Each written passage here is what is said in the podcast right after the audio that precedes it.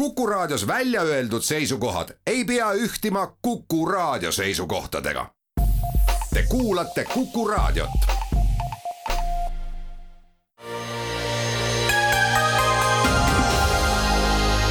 poliitikakuru. poliitikakuru tervist, alustame saatega, täna on meil seitsmes oktoober ja Vladimir Putini seitsmekümnes sünnipäev, aga meie teda ei õnnitle, meie delegeerime siis Putini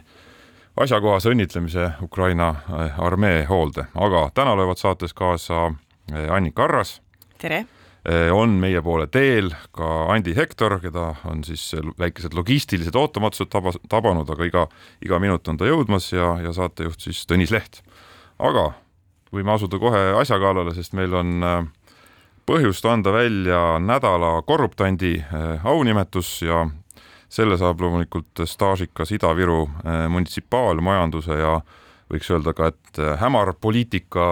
kuningas Nikolai Ossipenko. teisipäeval pidas politsei Ossipenko kinni seoses altkäemaksu andmise ja, ja mõjuvõimuga kauplemise kahtlustusega, aga sellist, ütleme, rasket korruptsioonitööd ei ole Ossipenko loomulikult pikki aastaid teinud üksinda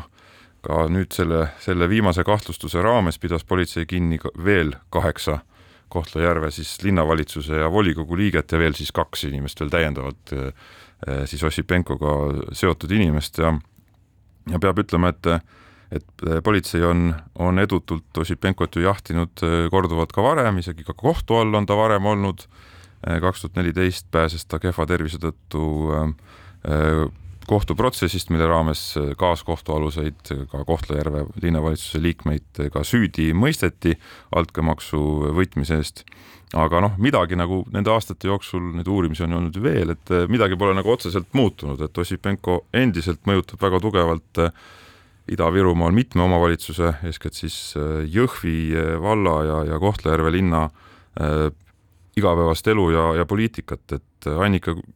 mis sina arvad, et kuidas ta seda teeb või mis on võimaldanud tal seda nii kaua, kaua teha? no eks niikaua, kui ähm, ära pääsed, siis nii kaua saabki teha ju. aga eks seda pilti vaadates ähm, ja kogu seda suhete rägastikku, mis seal taga on, alates perekondlikest ja sugulussidemetest, äh, ühistest ettevõtetest, siis selline ma ütleks, niisugune Eesti, Eesti oma väike ähm, oligarh vaatab, äh, vaatab vastu küll ehk et pisikese grupi kätte on ikkagi seal kogunenud äh, selles Kohtla-Järvel ikkagi oluline äh, mõjuvõim, äh, mis sugugi legaalne välja ei paista, aga loomulikult oluline on ära mainida, et talle siiski ehit-, e-, esitati hetkel kahtlustus, et ja, ja vaatame, mis seal kohtus siis saab, aga noh, see muidugi see viimase paari päeva peegeldus teemal on jälle selline, et tundub, et ikkagi tervis on ikkagi väga kehvakene, eks. et, et see, millele sa viitasid, viitasid enne, võib ju ka korduda, aga ma, ma südamest loodan, et, et lõpuks suudetakse ka ära tõendada kõik need süüdistused, mis seni on aastate jooksul äh, ringi liikunud. no iseenesest oleks see ikkagi, äh, see oleks probleem ja, ja, ja inimeste kohalike inimeste ja ka ühiskonna laiemalt õiglustundele päris selline valus äh, ninanips taas, kui, kui ta nüüd ka seekord äh, tervise põhjal peaks äh, kohtuprotsessist pääsema, noh kui kahtlustus nii-öelda saab rohkem kinnitust ja sellega edasi liigutakse. tõsi, vahi alt, vahi alla teda ei võet-, ei jäetud, ka kohtuniku vastav määrus muidugi oli päris huvitav lugemine, ei jätnud väga palju kahtlust see hinnang, et, et vabastatakse küll ta hetkel eh, tervise, noh ilmselgelt päriselt eksisteerivate ka terviseprobleemide tõttu, aga oht selleks, et ta oma kuritegelikku laadi tegevust siis jätkab, on, on väga kõrge, sest ta on seda harrastanud tegelikult aastaid, et see oli nagu see, selle põhimõtteliselt nagu selle vabastamis Äh, määruse nagu alatoon. Ja, ja selle võib-olla ka niisugune märgiline seejuures on see, et, et antud juhul ei vabastatud ju ameti, ametist ja ei, ei äh, esitatud kahtlustus ainult siis talle, vaid vaid ka volikogu liikmetele ja ametnikele ja see on läbi põimunud äh, erinevate erakondade poolt. et, et see ei ole nii, et, et nüüd on nagu üks paha, vaid et see ikkagi näitab lihtsalt kohapealset sellist ikkagi süsteemset äh, kuidas ma ütlen siis, äh, otsustajate paigutamist äh, erinevatesse jõududesse, et äh, nii et jaa, ma ei, ikkagi oligarh jah, no tema, tema mõju on kõige suurem siis hetkel Kohtla-Järvel, et Jõhvi osas on ta natukene saanud ka tagasilööke, et see mudel, millega ta töötab, on ikkagi põhimõtteliselt munitsipaalmajanduse kontrollimine, sellise olukorra loomine, kus, kus ütleme siis omavalitsuse heakorralepingutele, lumekoristusele, prügiveole, teehooldusele, äh, nendele hangetele sisuliselt konkurente ligi ei lasta ja, ja need ongi see, see ongi see pikk, pikk leib, mida Ossipenko on, on siis äh, süüa saanud. tõsi, need hanked ta võidab tihti sellise väga minimaalse hinnaga ja, ja see teenus, mida ta siis reaalselt inimestele pakub, äh, on nagu allapool igasugust arvestust, et äh, ütleme, lumi jääb lükkamata, seetõttu jääb ka prügi vedamata ja nii edasi, et ja inimesed, kes reaalselt nendes firmades tal töötavad, saavad ka väga väikest palka, ehk et see on niisugune ka pidev tsükkel, et neid firmasid äh, ka vahetatakse ja saadetakse pankrotti ja siis tullakse jälle uutega välja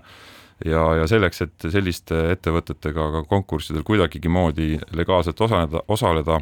peab neid konkursi tingimusi ka sättima, et sul ei oleks parasjagu äh, maksuvõlgasid, sul ei oleks muid takistavaid elemente ja see omakorda nõuab õigeid inimesi õigetel kohtadel. no see maksuvõla märksõna on nagu märgiline antud kaasuses, sest et, äh, et seesama ettevõte, kes siis, äh, kes kes siis lõpuks selle nii-öelda hankelepingu sai, eks ole, on, on riigile üle, üle poole miljoni euroga maksevõlgu, nii et et see on, see on jah, see ikka näeb väga halb välja. aga mis õppetunnid me siit nagu kaasa saame võtta, on see, et loodetavasti noh, et on, siin ei ole nagu küsimus selles, et kust suitsu sealt tuld, et küsimus on selle ütleme, suitsu ja tule äratõestamises ja selles, et, et tervis ei oleks nii-öelda see ettekääne, mille taha pugeda seekord. aga kui me vaatame seda Ida-Virumaa olukorda laiemalt, et siis, siis neid omavalitsusi, kus sellised toiduahelad on toimunud, on ju, on ju veel olnud, et ega siis lõppude lõpuks ka Narva, Narva linn oli sellise olukorra kütkes väga pikki aastaid ja seal õnnestus noh, analoogne eh, toiduahel põhimõtteliselt lõhkuda või vähemalt on ta saanud tugevad eh, hoobid viimastel aastatel alles pärast seda, kui, kui sealne, sealne kohalik, ütleme, Ossipenko analoog mingis mõttes, Aleksei Voronov, kes ka eh, käsi, käskis poos ja laskis, pandi reaalselt vangi. pärast seda on seal olukord, noh, ta nüüd vangis muidugi ei ole, aga siis see olukord seal muutus ja ka poliitiline võim on seal mingil määral saanud vahetuda no aga ma arvan, et selle loo äh, puhul jääb nüüd üle loota, et äh, et olukord leiab äh, täielikku tõendamist ja see karistamatuse tunne kaoks. aga tegelikult meil on korruptsiooniteemasid selles saates plaan võtta ette nii lähemalt kui kaugemalt, et kasutame ära võimalust, Annika, et sina oled põhimõtteliselt viimase kuu aja veetnud Bulgaarias, et see on nüüd praegu selline ootamatu hüpe Kohtla-Järvelt Bulgaariasse, aga Bulgaarias olid eh, just parlamendivalimised eh, nädalavahetusel ja, ja ka seal on korruptsiooniteema olnud väga keskne, sina käisid seal ju põhimõtteliselt osa, kampaania raames nõustasid senist peaministri parteid, eks ole, sa võid siin täpsustada, andsid nii-öelda kampaanianõu Äh, jaa, mina andsin nõu äh, siis Petkovile, kes, kes oli siis, äh, kellel oli au olla täpselt seitse kuud peaminister peale seda, kui, kui riigis eelmisel aastal kolmel korral olid erakorralised valimised ja lõpuks siis valitsus mooduta, moodustada suudeti. aga, aga noh, see korruptsiooni sild siin nüüd on, on, on, tuleb, tuleb ikkagi läbi selle, et, et jah, Bulgaaria on Euroopa Liidu per capita kõige korrumpeerunud riik, kui, kui vaadata näiteks Euroopa Euroopa Liidu rahade väärkasutamist, siis mida ka tegelikult äh, Euroopa Liidu peaprokurör Kövesi Eestis tutvustas alles, alles hiljuti, siis ähm, seal on küll Itaalia vist on number üks kohal, aga, aga nii-öelda avatud äh, uurimiste valguses, aga, aga jah, per capita on, on Bulgaaria number üks ja ja üks põhiteemasid lisaks inflatsioonile, mis on praegult üle terve Euroopa ju äh, number üks teema ja energeetika, oli ikkagi siis korruptsiooni vastu võitlemine üks, üks kesksemaid ähm, arutelusid sealsetel valimistel. no kurb on tõdeda, et äh, et hetkel on siis valimiste number üks siiski erakond, mis on justkui viimased kaksteist aastat seda korruptsiooni kõvasti kujundanud. ja poliitiline ebastabiilsus jätkub, nii et minul isiklikult küll usku ei ole, et, et seal järgnevate kuude jooksul keegi valitsuse moodustada suudab ja küllap see riik läheb järgmistesse erakorralistesse valimistesse korraks me vaatame kindlasti sellesse valimisdünaamikasse sisse ka, aga Annika, ütle meile palun, miks peaks Eesti kuulajad nagu valimised Bulgaarias äh, praegusel ajal üldse huvitama ja, ja mis, mis on see, mis muudab Bulgaariat tegelikult Eesti jaoks äh, nagu väga oluliseks? No siis tuleb natuke suurema pilguga vaadata ja minna jällegi Ukrainasse ja energeetikasse ja sellest, kuidas Putin ikkagi süsteemselt on ehitanud seda plaani, mida ta Ukrainas täna ellu viib. Et äh, alles siin äh, viimased nädalad on olnud, eks kuum teema on olnud Nord Stream ja selle ümber toimub siis äh, märksa vähem tegelikult ka Euroopa Liidu tasandil räägitakse siis South Streamist, mis on siis lõuna, lõunatoru, ütleme siis nii, mis, ähm, mis tegelikult juba kahe tuhande kaheksateistkümnendal aastal sai käigu sisse, selle, selle pikendus sai käigu sisse peale seda, kui siis tollane Bulgaaria peaminister Borissov kohtus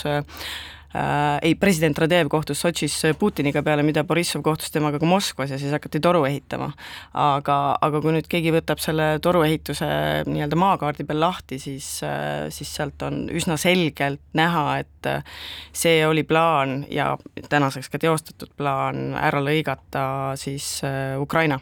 sealt vahelt, ehk et siis Musta mere kaudu minna ümbert ringiga. nii et, et, et ma arvan, et, et pilgud sinna suunas äh, on äh, tark hoida väga tõsiselt. ja, ja seesama gaasitoru, mis hetkel avati, kus ka Ursula von der Leyen käis kohal, mis on siis Kreeka kaudu,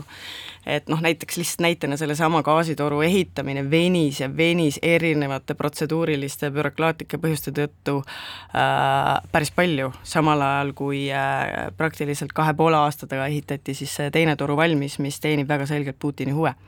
Nii et tasub silmad lahti hoida. No Bulgaaria on oma juba ajaloo poolest ja rahva sümpaatia poolest noh, loomuldasa ju Venemaale olnud üks lähedasemaid Euroopa Liidu liikmesriike, et see on mingis mõttes nii-öelda loomulik ajalooline kaasaanne, aga see ei ole nagu, see ei olnud selle valimiste nagu keskne küsimus ilmselt, et kas me oleme nüüd ütleme, Venemaa suhtes sõbralikumad või mittesõbralikumad, keskne küsimus ikkagi oli, kuidas me suhtume äh, Äh, korruptsiooni ja sellesse, et, et mõningad poliitilised jõud põhimõtteliselt äh, nii-öelda riigi endale ja oma, oma jopadele on, on kõrvale pannud. jaa, noh, see müstiline hulk äh, uurimisi on käimas Euroopa Liidu äh, rahade väärkasutamise osas läbi hangete või siis tegemata jäetud hangete, et see, see on ikkagi massiivne, et äh, me siin Eestis oleme Kohtla-Järve või mitte, me oleme ikkagi nagu väga korralikud võrreldes kõige sellega. ja aga, aga noh, tegelikult inflatsioon ja tõusvad energiahinnad on, on täpselt samamoodi mure ja arvestades, et elatustase on märksa madalam, madalam, siis äh, veel suurem mure, mis omakorda avab jällegi ukse äh, olla, olla Vene-sõbralik ja olla ka Gazpromi sõbralik, nii et okei okay,, aga seitse kuud põhimõtteliselt oli vahepeal äh, võimul valitsus siis Kirill Petkovi juhtimisel, seal koalitsioonis olid, no ühesõnaga tema liber-, liberaalse suundumusega partei koalitsioonis olid ka veel sotsid, et mis neil nagu puudu jäi siis äh, sinu nõuannete kasut-, ärakasutamisest, et reaalselt ikkagi võitleks, võitleks äh, Borissovile ja tema Gerb-parteile ja see koalitsioon, mis sealt võib nüüd tulla, kui, kes on valmis temaga koostööd tegema, on veidi murettekitav Äh, kindlasti murettekitav, et äh, ma nüüd siiski enda rolli taandaks seal äh, mõnevõrra väiksemaks, aga, aga suures pildis süsteem, mida on ehitatud kaksteist aastat, see ei lagune väga kiiresti. ja, ja laiemalt, mis on ka Bulgaaria probleem, on, et tegelikult seal puudub objektiivne ajakirjandus, et noh, see, see, mis välja paistab, on kui, kui sa lähed väljapoolt ja alguses vaatad peale, siis tundub, et see on ajakirjandus, aga kui sa sinna sisse vaatad ja aru saad, et äh, üks või teine telekanal või meediavälja on, äh, teenib ainult ühe või teise poliitilise jõu eesmärke ja absoluutselt kõik, mis seal meedias ilmub, on ostetud, siis ähm, noh, ühel hetkel sa jõuad sellisesse punkti, et et sa ei usu mitte midagi. see omakorda on pinnas väga suurele segadusele ja, ja kõhklustele, kahtlustele ühiskonnas, mis näiteks väljendub ka nendel valimistel selleks, et paremäärmuslus ehk siis niisugused marurahvuslased ähm, võitsid ka äh, kõvasti toetust juurde võrreldes senisega, aga nende narratiiv, mida nad ehitavad, on üks-ühele mm, tuttav meile äh, sellega, mida Kreml ehitab aga kas see tsükkel nüüd saab murtud, et äh, viimase kahe aasta jooksul neljad valimised, et äh, või see pigem sa näed, et nüüd see võimalik sündiv koalitsioon või, või need variandid on seal nii ebastabiilsed, et tegelikult see trall läheb nii-öelda uute erakorraliste valimiste suunas? No see on ikkagi üsna tõenäoline, et tulevad uued erakorralised valimised, et just täna hommikul oli seal värske pressikonverents, kus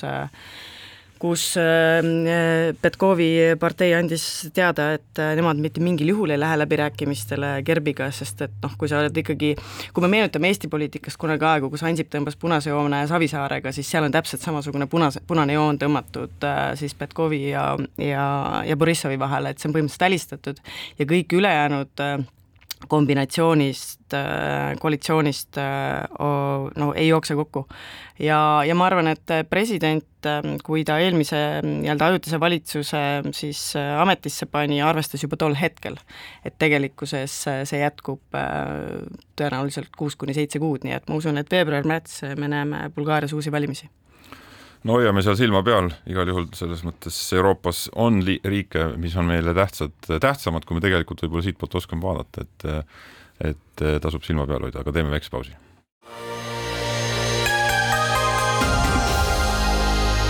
poliitikakuru. poliitikakuru ja jätkame saatega stuudios Annika Arras, edukalt kohale jõudnud ka Andi Hektor ja, ja Tõnis Leht ja võtame ette nädalanumbri.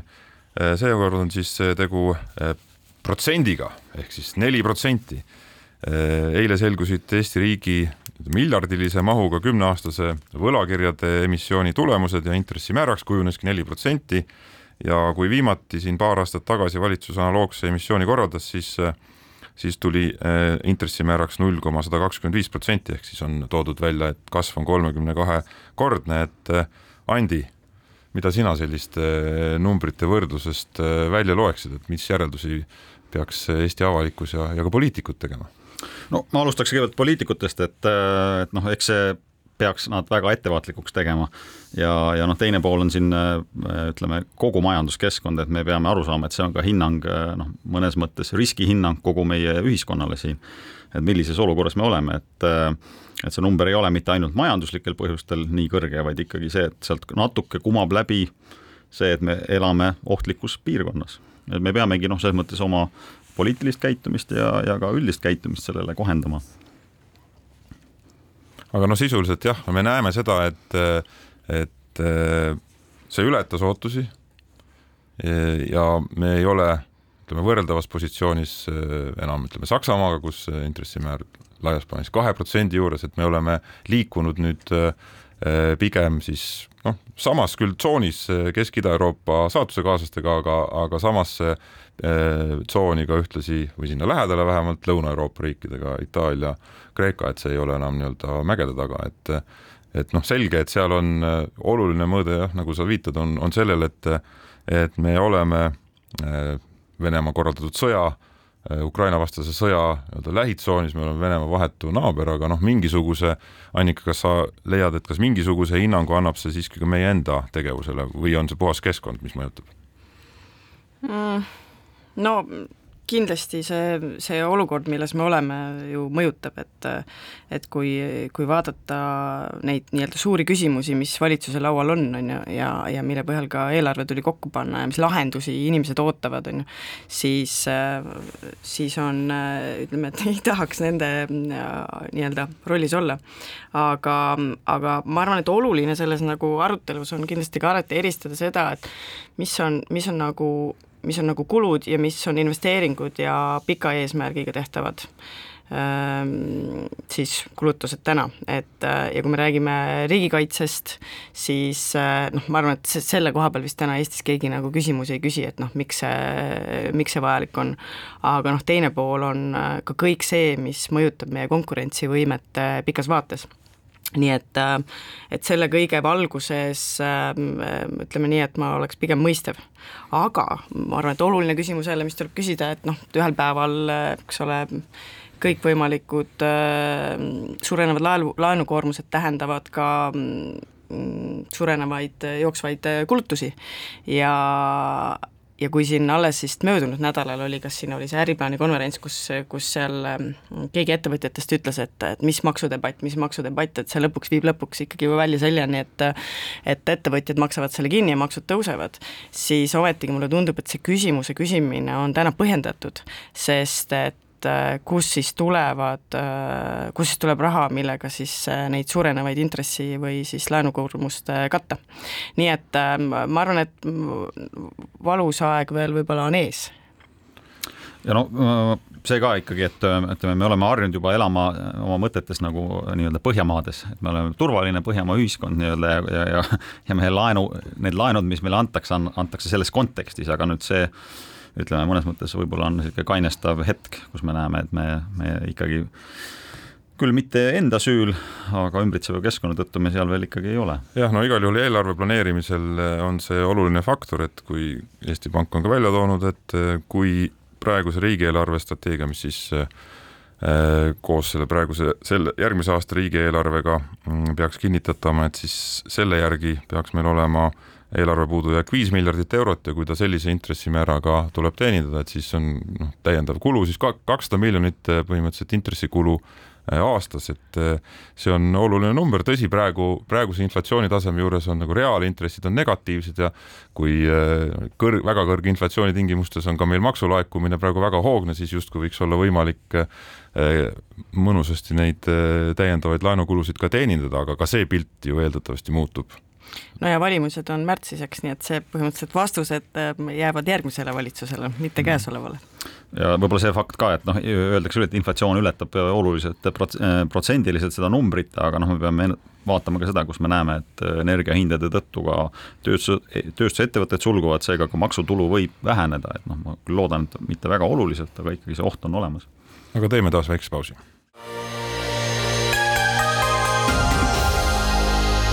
poliitikakuru. poliitikakuru. jätkame saatega stuudios eh, Annika Arras, Andi Hektor ja Tõnis Leht ja võtame jutud eh, rohkem nüüd jälle elektriteemade eh, ja energiateemadele. elektri siis universaalteenus kodutarbijatele on nüüd nädalake kehtinud, sealsed hinnad on saanud avalikuks esimesed äh, kiituste ja kriitikaringid on ka tehtud, et äh, aga alustame võib-olla sellest, et äh, Andi, kas sa näed, kas sellel konkreetsel mudelil võib olla ka mingisuguseid nii-öelda pikemaid olulisi mõjusid või tagajärgi, millele see võib viia? noh, ütleme majanduslikus mõttes kindlasti on seal üks noh, väga palju sõltub, kui, kui, kui hädameede see nii-öelda on, et äh, kahjuks on, nagu me elu, elus ikka näinud oleme, et sellised hädalahendused kipuvad jääma väga pikaks ajaks. et kui ta ongi hädalahendus äh, üheks-kaheks aastaks, siis, siis noh, sellel ei ole väga võib-olla suurt mõju, aga kui ta muutub selliseks nagu pikaajaliseks venivaks lahenduseks, siis noh, kindlasti ta hakkab äh, suruma alla erasektori investeeringuid energeetikasse Eestis ja, ja kogu regioonis, sest ega noh, kõik kõik teised riigid teevad nii-öelda üksteise järgi sedasama asja. ja noh, see on see asi, mis võib-olla pikas perspektiivis peaks kõike väga murelikuks tegema, kui meil era, ütleme, erasektori investeeringud ära kukuvad energeetikasse, siis noh, riik ei ole, ütleme, võimeline need ikka täielikult asendama ka jaa, ma arvan, et nii-öelda tänases vaates on see ikkagi niisuguse nii-öelda tavatarbija vaatest on see hea, et see tuli, sest ma arvan, et see ikkagi tekitab mingisuguse võib-olla mõnevõrra suurema kindluse ikkagi saabuva talve ja hakkamasaamise ees, samal ajal kui nüüd äh, see nii-öelda reaalsus on kohale jõudnud ja siis äh, need nagu viimase nädala niisugused võib-olla kommunikatsioonisõnumid on ka sellised ka, et noh, tegelikult see siiski muutub, eks ole, seal on erinevad komponendid, äh, millest siis lõpuks ikkagi see hind kujuneb. Ja, ja üheks muutujaks on ka tegelikult CO2 kvoot, mis kõvasti mõjutab ju tegelikult siis Eesti Energia lõpphinda, siis, siis mul nüüd ikkagi on väike nagu selline küsimärk on ikka jälle püsti tõusnud, et noh, et kuivõrd kuivõrd hea tundega siis ikkagi nii-öelda tarbija selle vastu võtab. aga noh, kuna valitsus on tegelikult veel täiendavalt ka energiakompensatsiooni sinna pandud ja pannud ja hetkel on siis ikkagi oodatav hind kolmteist kuni neliteist senti kilovatt-tunnist, et kui see nüüd nii läheb, siis äh, ma ütleks, et nagu üks suur nagu valukoht äh, loodetavasti on maandatud. no ma arvan, et see hind, mis nüüd tuleb või noh, sisuliselt on ta ju käes on koos selle kompensatsiooniga, on ta tõesti nagu piisavalt madal, et ta nagu selle esimese poliitilise tellimuse ja, ja tarbijate poolse mure nii-öelda maandab ära, et et selles mõttes sattus see number sobivasse kohta siis Konkurentsiameti sõltumatu põhjaliku töö tulemusel, aga ühtlasi ta on ka piisavalt siiski äh, kõrge, ma arvan, et, et ta täielikult ei võta ära seda ütleme siis energiasäästu elementi, sest et see kulu, mis sellega kaasneb, selle elektriga siiski on täitsa märkimisväärne. tõsi, ta nii-öelda tunnipõhise äh, siis äh, jälgimise motiivi ta kaotab ära, millel on kindlasti omad miinused, samas tarbija jaoks on see palju mugavam, loomulikult ei pea enam pesu, ei pea iga öösel enam tõusma üles, et minna pesu pesema või vähemalt seda ei pea planeerima niimoodi. et ja ühtlasi ta on, ta on ka mm, võib-olla piisavalt kõrge, eriti kui see äh, viiesendine nii-öelda kompensatsiooni moment ära kaob, et, et ei ole ta ka veel väga-väga kaugel ka võimalikust börsihinnast, eriti pärast siis seda eelolevat talve ehk et et äkki ta ei, täielikult ei kaota ka ära motivatsiooni endiselt vaadata börsi poole ka tarbijatel. Aga noh, küsimus on, et kas ta börsimudelit eh, mingil kombel lõhub või kahjustab, kui ta pikemalt jääb eh, kestma ta kindlasti noh, eks ega me päris täpselt ei tea, et noh, ma olen küsinud targemate inimeste käest, et mis siis, mis siis börsiga juhtub, et tegelikult ju mida see tähendab, tähendab seda, et võetakse ära tükk, suur tükk elektrist, mis muidu oleks börsile läinud. Ja kui sa, kui noh, pakkumisest võetakse mingi osa ära, siis paratamatult noh, eeldus on, et hinnad hakkavad ülespoole minema nende jaoks, kes peavad börsilt ostma. ja, ja noh, see nende hulgas on siis ikkagi suuremad tööstusettevõtted, kes ei ole otse, mingil põhjusel otselepinguid teinud elektritootjatega. Ja noh, seda mõju niimoodi äh, kahjuks peab ütlema, et eks me näe, mis see mõju on, aga, aga me juba kuuleme ju siit ja sealt, kuidas mõned tööstusettevõtted panevad lõplikult uksed kinni ja mõned panevad ajutiselt, et noh, nii, nii ta on. No ühtlasi ma loodan, et ta ka ei võta ära äh, poliitilistelt jõududelt soovi äh, börsi siis reformimisega tegeleda nagu nendes mõistlikes võtmetes, millest on ju ka omajagu räägitud, ehk et tõsta hinnakujunduse läbipaistvust äh,, tarbijatele arusaadavamaks muuta seda ja samuti anda seal suurem roll siis äh, noh, tarbijatele endile hinna kujundamisel või tarbimisest loobujate äh, võimalusele hinda mõjutada, ehk et kõik need et me, me, meie börsimudeli parandamine ei peaks nagu äh, jääma kogu universaal, universaalteenuste varju, et, et meie mudel ei olegi edaspidi ainult see, et me nagu sätestame hindu ja nii on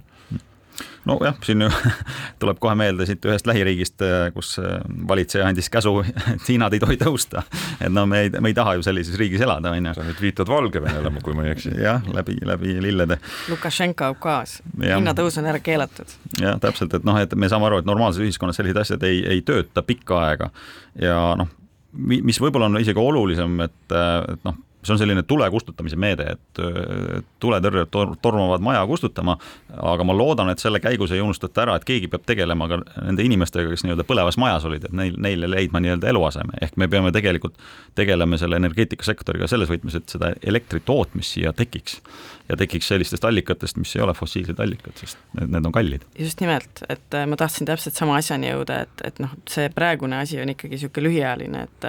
et äh, tegelikult et, kuni neli aastat. No see on lühiajaline, et, et noh, pikk vaade peaks olema, et noh, et on ikkagi see, et, et kuidas me, mida me peame tegema täna selleks, et kümne aasta pärast me ei ole samas kohas, kus me täna oleme, et me vaatame üksteisele otsa, et oli küll probleem, aga mitte keegi ei tegelenud. et, äh, et loomulikult on noh, positiivseid uudiseid tuleb iga päev, et siin alles äh, eile või üleeile ka rahandusminister andis teada, et nüüd on taas äh, Euroopa Liidu tasandil kokku lepitud raha jagamine, Eestisse jõuab kaheksakümmend kolm miljonit kuidas seda nüüd äh, jagama hakatakse, on järgmine küsimus, et noh, peamine eesmärk on jah, taastuvenergia arendamise kiirendamine, aga, aga noh, need nii-öelda võib-olla turutõkked ja, või siis ka väga selge raamistiku loomise nii-öelda raamistiku puudumine Eestis täna on noh, see, see, seda hala ei jõua enam ära kuulata. ehk et tahaks küsida, et kuidas see nüüd kiiresti selgeks saab, sest et äh, et seesama võimsuste juurdetulek on ülioluline, kuna ega siis Elspot ei olnud ju kunagi loodud selleks, et äh, esile kutsuda uusi elektritootmisvõimsusi. et äh, aga mis siis on ja, ja kus, kus see, kus see tekib, on ju? Äh, noh, universaalteenus põhineb põlevkivi elektri tootmisel et see on ka üks mõõde, mis noh, tegelikult see seaduse järgi see skeem kehtib neli aastat või noh, nüüd natuke vähem, et see on ka üks potentsiaalne mõju, et ta hoiab eh, meil siiski põlevkivienergiat tähtsamal kohal, ilmselgelt me oleme nüüd eh, Venemaa agressiooni ja Ukrainas toimuva sõja tagajärjel ja Vene gaasi asendamise tuules me oleme näinud seda, kuidas fossiilne kütus on meie piirkonnas teinud ka jõulist comeback'i, et, et lihtsalt seda kallist Vene gaasi välja tõrjuda. Eh, ühel põhjusena, aga, aga põhimõtteliselt ikkagi see suurem vaade, et et fossiilkütuseid on tarvis asendada, ega siis need, need põhi, nii-öelda baasvajadus ei ole ju kadunud, et eh, kliima endiselt soojeneb ja, ja see lootus, et, et nüüd ka CO2 eh, kauplemissüsteem täielikult kaob või, või selle hinna komponent muutub elektri hinnas täiesti olematuks, noh sellist lootust ju äh, Äh, on ka praegu hellitatud, et saaks kiiresti elektri hinda alla tuua, et, et see lootus ka, et ta täie-, CO2 süsteem täielikult kaoks või oluliselt, muutuks oluliselt vähem äh, mõjusaks, et see, see on ka te, ikkagi noh, utoopia loodetavasti. et, äh, et seetõttu nii-öelda rõhuasetus põlevkivienergeetikale on alati kaetud teatud kõhkluste küsimärkidega ja seal on veel see aga ka, et eh, noh, ütleme see praegune uni-, universaalteenuse hind on ju arvutatud selle eeldusel, et, et meil see põlevkivienergeetika nii-öelda toimib, aga nagu me näeme siin eh, Auvere jaamaga on ikkagi probleemid ja, ja ka noh, teised jaamad on nii vanad lihtsalt, et sealt võib ka niisugune apsakas tulla ja tegelikult ma noh, üritades neid dokumente lugeda, ei saanud aru sellest, mis siis juhtub, kui selline olukord realiseerub. et kus, kes selle siis selle nii-öelda kahjumi mm, meie riiklikule energiatootjale kinni maksab, kui tema peab hakkama seda kuskilt mujalt ostma ja noh, rääkimata sellest, sellisest jubedast olukorrast, et kus seda ei olegi võtta turult, seda vahet ja, ja noh, lõppkokkuvõttes ma arvan, et pikemas plaanis ikkagi see energiavarustuskindluse tagamine meie puhul ikkagi on taastuvenergias. vähemasti äh, mina olen küll täna selles veendunud, et me selle põlevkiviga siiski pikalt ei sõida, kuigi hetkeolukord kindlasti soosib seda, et äh, äkki ikka hoiame sellest kinni, mida me tunneme, mis on turvaline ja, ja, ja mis tagab meile. omamoodi irooniline olukord on, et esmaspäeval saabub Euroopa Komisjoni president Ursula von der Leyen Eestisse, käib Äh, käib ka Narvas, seal muuhulgas on toimumas ka üritus, mis äh, tegeleb siis äh, õiglase ülemineku fondi teemadega ja, ja see õiglase ülemineku fond on ju kutsutud ellu selleks, et just nimelt noh, Eesti puhul siis põlevkivienergeetikast väljumisega tegeleda, aga meie siin praegu ka läbi universaalteenuse ja ja selle energiajulgeoleku laiema konteksti me tegelikult ikkagi anname põlevkivienergiale lähiperspektiivis päris palju hoogu juurde, nii et, et need plaanid on saanud noh, ütleme mõningase tagasilöögi. kahtlemata ja et noh, seal on, seal on muidugi see, et me jällegi räägiks pikalt, pikast plaanist korraks, et me peame nagu lauale võtma meretuulepargid ja noh, nendega tuleb kiiresti tegeleda, et noh, kahjuks on nagu kuidagi kurb olnud vaadata kõrvalt, kuidas see asi venib ja venib ja, ja noh, tuleb ikkagi noh, ka teised alternatiivid, ka tuumaenergeetika ikkagi noh, vähemalt korralikult läbi analüüsida siinses kontekstis, olles ise selle pooldaja, aga ütlema, et ma ei, ma ei ütle, et seda peab siin tingimata meie regioonis rakendama, aga ma tahaks näha ikkagi sellist tõsist analüüsi, et kui me sellest ütleme sellele ei, et miks me selle ei ütleme, et me ei lähtu mingitest lihtsalt emotsioonidest. ja võrguga liitumise lihtsustamine täpselt samamoodi, et, et noh, et kui siin samal ajal räägitakse ka sellest, kuidas et tegelikult tuleb ka kokku hoida iseenda tarbimiselt, siis ja oma nii-öelda väikeses majakeses tuleks ka säästlikult elada, siis noh, selles maailmas täna see üks pidureid on seesama võrguga liitumise keerukus. nii et neid kohti tegelikult, kus me saame olukorda parandada on päris palju, aga, aga mulle tundub, et see vastutus kõikide nende asjade lahendamisel on meil riigis kuidagi laiali valgunud. et ähm, ja, ja seetõttu käib niisugune palli veeretamine korra ühest ministeeriumist teise ja äh, rohepöörde koordinaatoritest valitsusele, valitsuselt tagasi kuskil ministeeriumisse, siis on veel üks aruteluklubi kuskil ja niimoodi kõrvalt vaadates mina nüüd ei saagi aru, et kes siis vastutaja on ja noh, seal on näha just, kuna ühest küljest on see nii-öelda roheenergeetika ju väga tugevalt seotud keskkonnateemaga, siis tihti pall kipubki kukkuma sinna MKM-i, äh, Majandus- ja Kommunikatsiooniministeeriumi ja Keskkonnaministeeriumi vahele täpselt. Ähm, universaalteemaga, universaalteenuse teemaga me alustasime, et tõsi, elekter on väga universaalne teema, aga selle teema kokkuvõtteks, et äh, järgmine debati küsimus äh, on universaalteenus ettevõtetele, eelnõu on torus valmis koalitsiooni poolt äh, tuleb äh, lõplikult formuleerida ja vastu võtta, kui selleks poliitilist tahet on, eesmärk siis pakkuda analoogset universaalteenust ka väik-, mikro- ja väikeettevõtetele, ehk siis see piir siis väikeettevõtete puhul oleks kuni viiskümmend töötajat või siis kuni kümme miljonit siis aastakäivet. et kas sellise teenuse peaks ka veel ellu kutsuma? Mm, ma isiklikult jah, kaldun arvama, et väikeettevõtted seda ja keskmised ka seda tuge kindlasti vaet-, vajavad, et äh, sest see ringiga tekitaks jällegi probleemi hoopis teises kohas, alates äh, Äh, töökohtadest äh, kuni, kuni ka regionaalsest äh, arengust rääkides, et nii et see on kindlasti on vajalik ja tegelikult on ka teistest Euroopa Liidu riikidest juba nagu näiteid päris palju, kus seda ka samamoodi teadlikult tehakse, et ähm, näiteks Saksamaal on täiesti tõsiselt arutelu all elektri piirhinna kehtestamine, mis oleks siis ka väikestele ja keskmistele ettevõtetele, nii et et see ei ole ainult teema siin meie koduõuel ma arvan, see on igas, igas Euroopa Liidu riigis praegu ikkagi üsna suur teema, et äh, ja noh, me peame, peame nagu vaatama enda ettevõtteid üldise konkurentsi nii-öelda kontekstis. et kui äh, me võime, meile võib Eestis üldse mitte meeldida see, aga kui ümberringi on selline meede olemas, siis noh, need Soome, Rootsi, Saksa ettevõtted on lihtsalt paremas konkurentsiolukorras võrreldes meie ettevõtetega, et noh, selline see olukord on. nagu on selge, et praegune see eelnõu äh, ei saa ka kõikidele väikestele ettevõtetele nii-öelda üht, ühtemoodi kasulik olla, sest et äh, vähemalt selle eelnõu järgi, plaani järgi on, äh, on siis võimalik ta-, teenusega liituda neil, kellel on kas siis oma otse nii-öelda elektrileping või kelle siis üürileandja, kellel on äh, siis elektri liitumisleping, et need, kui need üürileandjad on ka ise piisavalt väiksed ettevõtted, siis nemad saavad liituda universaalteenusega, aga kui see üüripind, kus, kus sa oma väikese firmaga toimetad, juhtumisi on suurema ettevõtte omandisse, siis, siis sa ei saa seda universaalteenust, et eks sellist õiglast lahendust on selles valdkonnas kindlasti üsna keeruline teha jaa, ja, ja võib-olla oluline on kindlasti ära markeerida, et ega siis suurettevõtteid ei tohiks nüüd täielikult ära unustada, sest tegemist on ikkagi suurimate tööandjatega ja seda, millistes raskustes on juba olnud mõned suuremad tehased üle Eesti viimase siin möödunud talve jooksul, me oleme juba näinud. nii et, et jaa, jah, kus see, kus see õiglus siin on, näppu on väga raske peale panna, aga eks natuke peavad tuge saama kõik. aga teeme siinkohal väikse pausi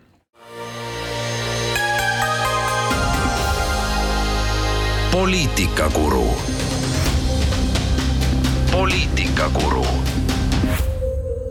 jätkame saatega stuudios Annik Arras, Andi Hektor ja Tõnis Leht ja, ja nädala lahkuja on meil ka põhjust välja tuua, sel nädalal on palju kõneainet pakkunud siis äh, suvest saati Muinsuskaitseametit juhtinud Liisa Pakosta ametist taandumine. Äh, omajagu vaidlusi muidugi on tekitanud eriarvamusi, et kas põhjuseks oli oli see, et äh, Liisa Pakosta lähetuskulud Eesti sees äh, on olnud äh, põhjendamatult ütleme hoogsad või on seal taga rohkem sisulised erimeelsused Kultuuriministeeriumi juhtkonnaga, muinsuskaitse kui sellise poliitikas või veel muud võib-olla siis asutusesisesed isiku, isikutevahelised vastuolud, et kas teie jaoks see pilt on selge, et ja, ja mis, mis me sellest, mis me sellest teemast nagu õppetunnina esile võiks tuua? Minu jaoks on see suhteliselt häiriv olnud, et, et mulle sugugi ei meeldi see. Ja võib-olla just sel põhjusel, et selline, selline teine kaasus viimase aasta jooksul, eks, mis on suurelt meedias üleval, mis on siis äh, seotud sellise äh, sellise nii-öelda kuludega, mis, mis on seotud siis kas lähetustega ja siis see piir on seal hästi nii-öelda õhkõrn ja siis äh, ta on, niisugune pilt on nagu segane, et selle noh, Pakosta loo puhul ma tahaks hirmsasti näha ka võrdlust võib-olla mõningate teiste riigiametnike ja samas äh,, samas rollis olevate lähetuste äh, kuludega. et äh, kahtlemata, kui küsimus on, on äh, selles, et on tõendatud, et on, on kulusid, mida äh, ei tohiks teha, siis pole mingit arutelu kohtagi, et aga, aga kui seda asja vaadata nagu suuremas pildis, siis äh,, siis ma tahaks näha võrdlust, et, et tekiks võib-olla siis niisugune aus pilt ka lehelugejale. et millest me räägime ja mina olen ka, ootaks väga võrdlevat analüüsi, et, et noh, need on avalikud andmed või need on võimalik kätte saada üsna lihtsalt. et ajakirjandus ei räägiks ainult ühest isikust, vaid noh, võtakski ette seal ütleme võrreldavad ametikohad ja vaataks, palju need äh, nii-öelda lähetuskulud ja, ja muud kulud on aga no loomulikult see, see on üldine selline avaliku sektori võib-olla küsimus, et me teame, et avalik, avaliku sektori juhtide palgad on üldiselt noh, ütleme isegi poole väiksemad kui, kui erasektoris võrreldava, noh, ütleme, ma ei tea, seda on raske öelda, muidugi võrreldava vastutusega ametikohad. Äh, ja siis noh, ütleme seda võib-olla aeg-ajalt kompenseeritakse seda nii-öelda palga väiksust siis sellega, et noh, äh, tehakse see reisikulude eelarve suurem ja inimesele nii-öelda öeldaksegi läbi lillede, et kuule, et selle võrra siis sa võid rohkem reisida. aga, aga noh, Äh, sellised asjad oleks ilus ikkagi nii-öelda paberil fikseerida, et, et selle, selle puhul jääks nagu paljud võib-olla probleemid olemata. Äh, no ma, mina arvan, et selle kõige selle teema juures võib-olla kõige positiivsem on see, et et vähemalt korraks on nagu arutelu all või vähemalt esile tõstetud siis noh, muinsuskaitse roll nagu laiemalt, et kulude osas on nüüd, lähetuskulude osas on tegelikult ju Kultuuriministeeriumi kantsler ise ka äh, Äh, kinnitanud, et tegelikult see ei olnud nagu, nagu ainus või, või põhiline nii-öelda kriitika põhjus, et tegelikult olid sealt siiski eeskätt äh, sisulised eri, eri arusaamad muinsuskaitse rollist, et noh, Liisa Pakosta on, on nagu tõstatanud seda, seda lähenemist, kuivõrd peaks olema muinsuskaitse ütleme, selline noh, võib-olla utreeritud, aga jäik äh, säilitaja ja, ja kaitse ja piirangute seadja vaid või, või kuivõrd ta peaks olema siis ikkagi äh, selline ka omanikega ja, ja, ja ühiskonna siis teiste vajaduste või huvidega arvestav ja, ja, ja kaasamõtlev äh, siis organisatsioon või funktsioon, et äh, eks see tegelikult on ju,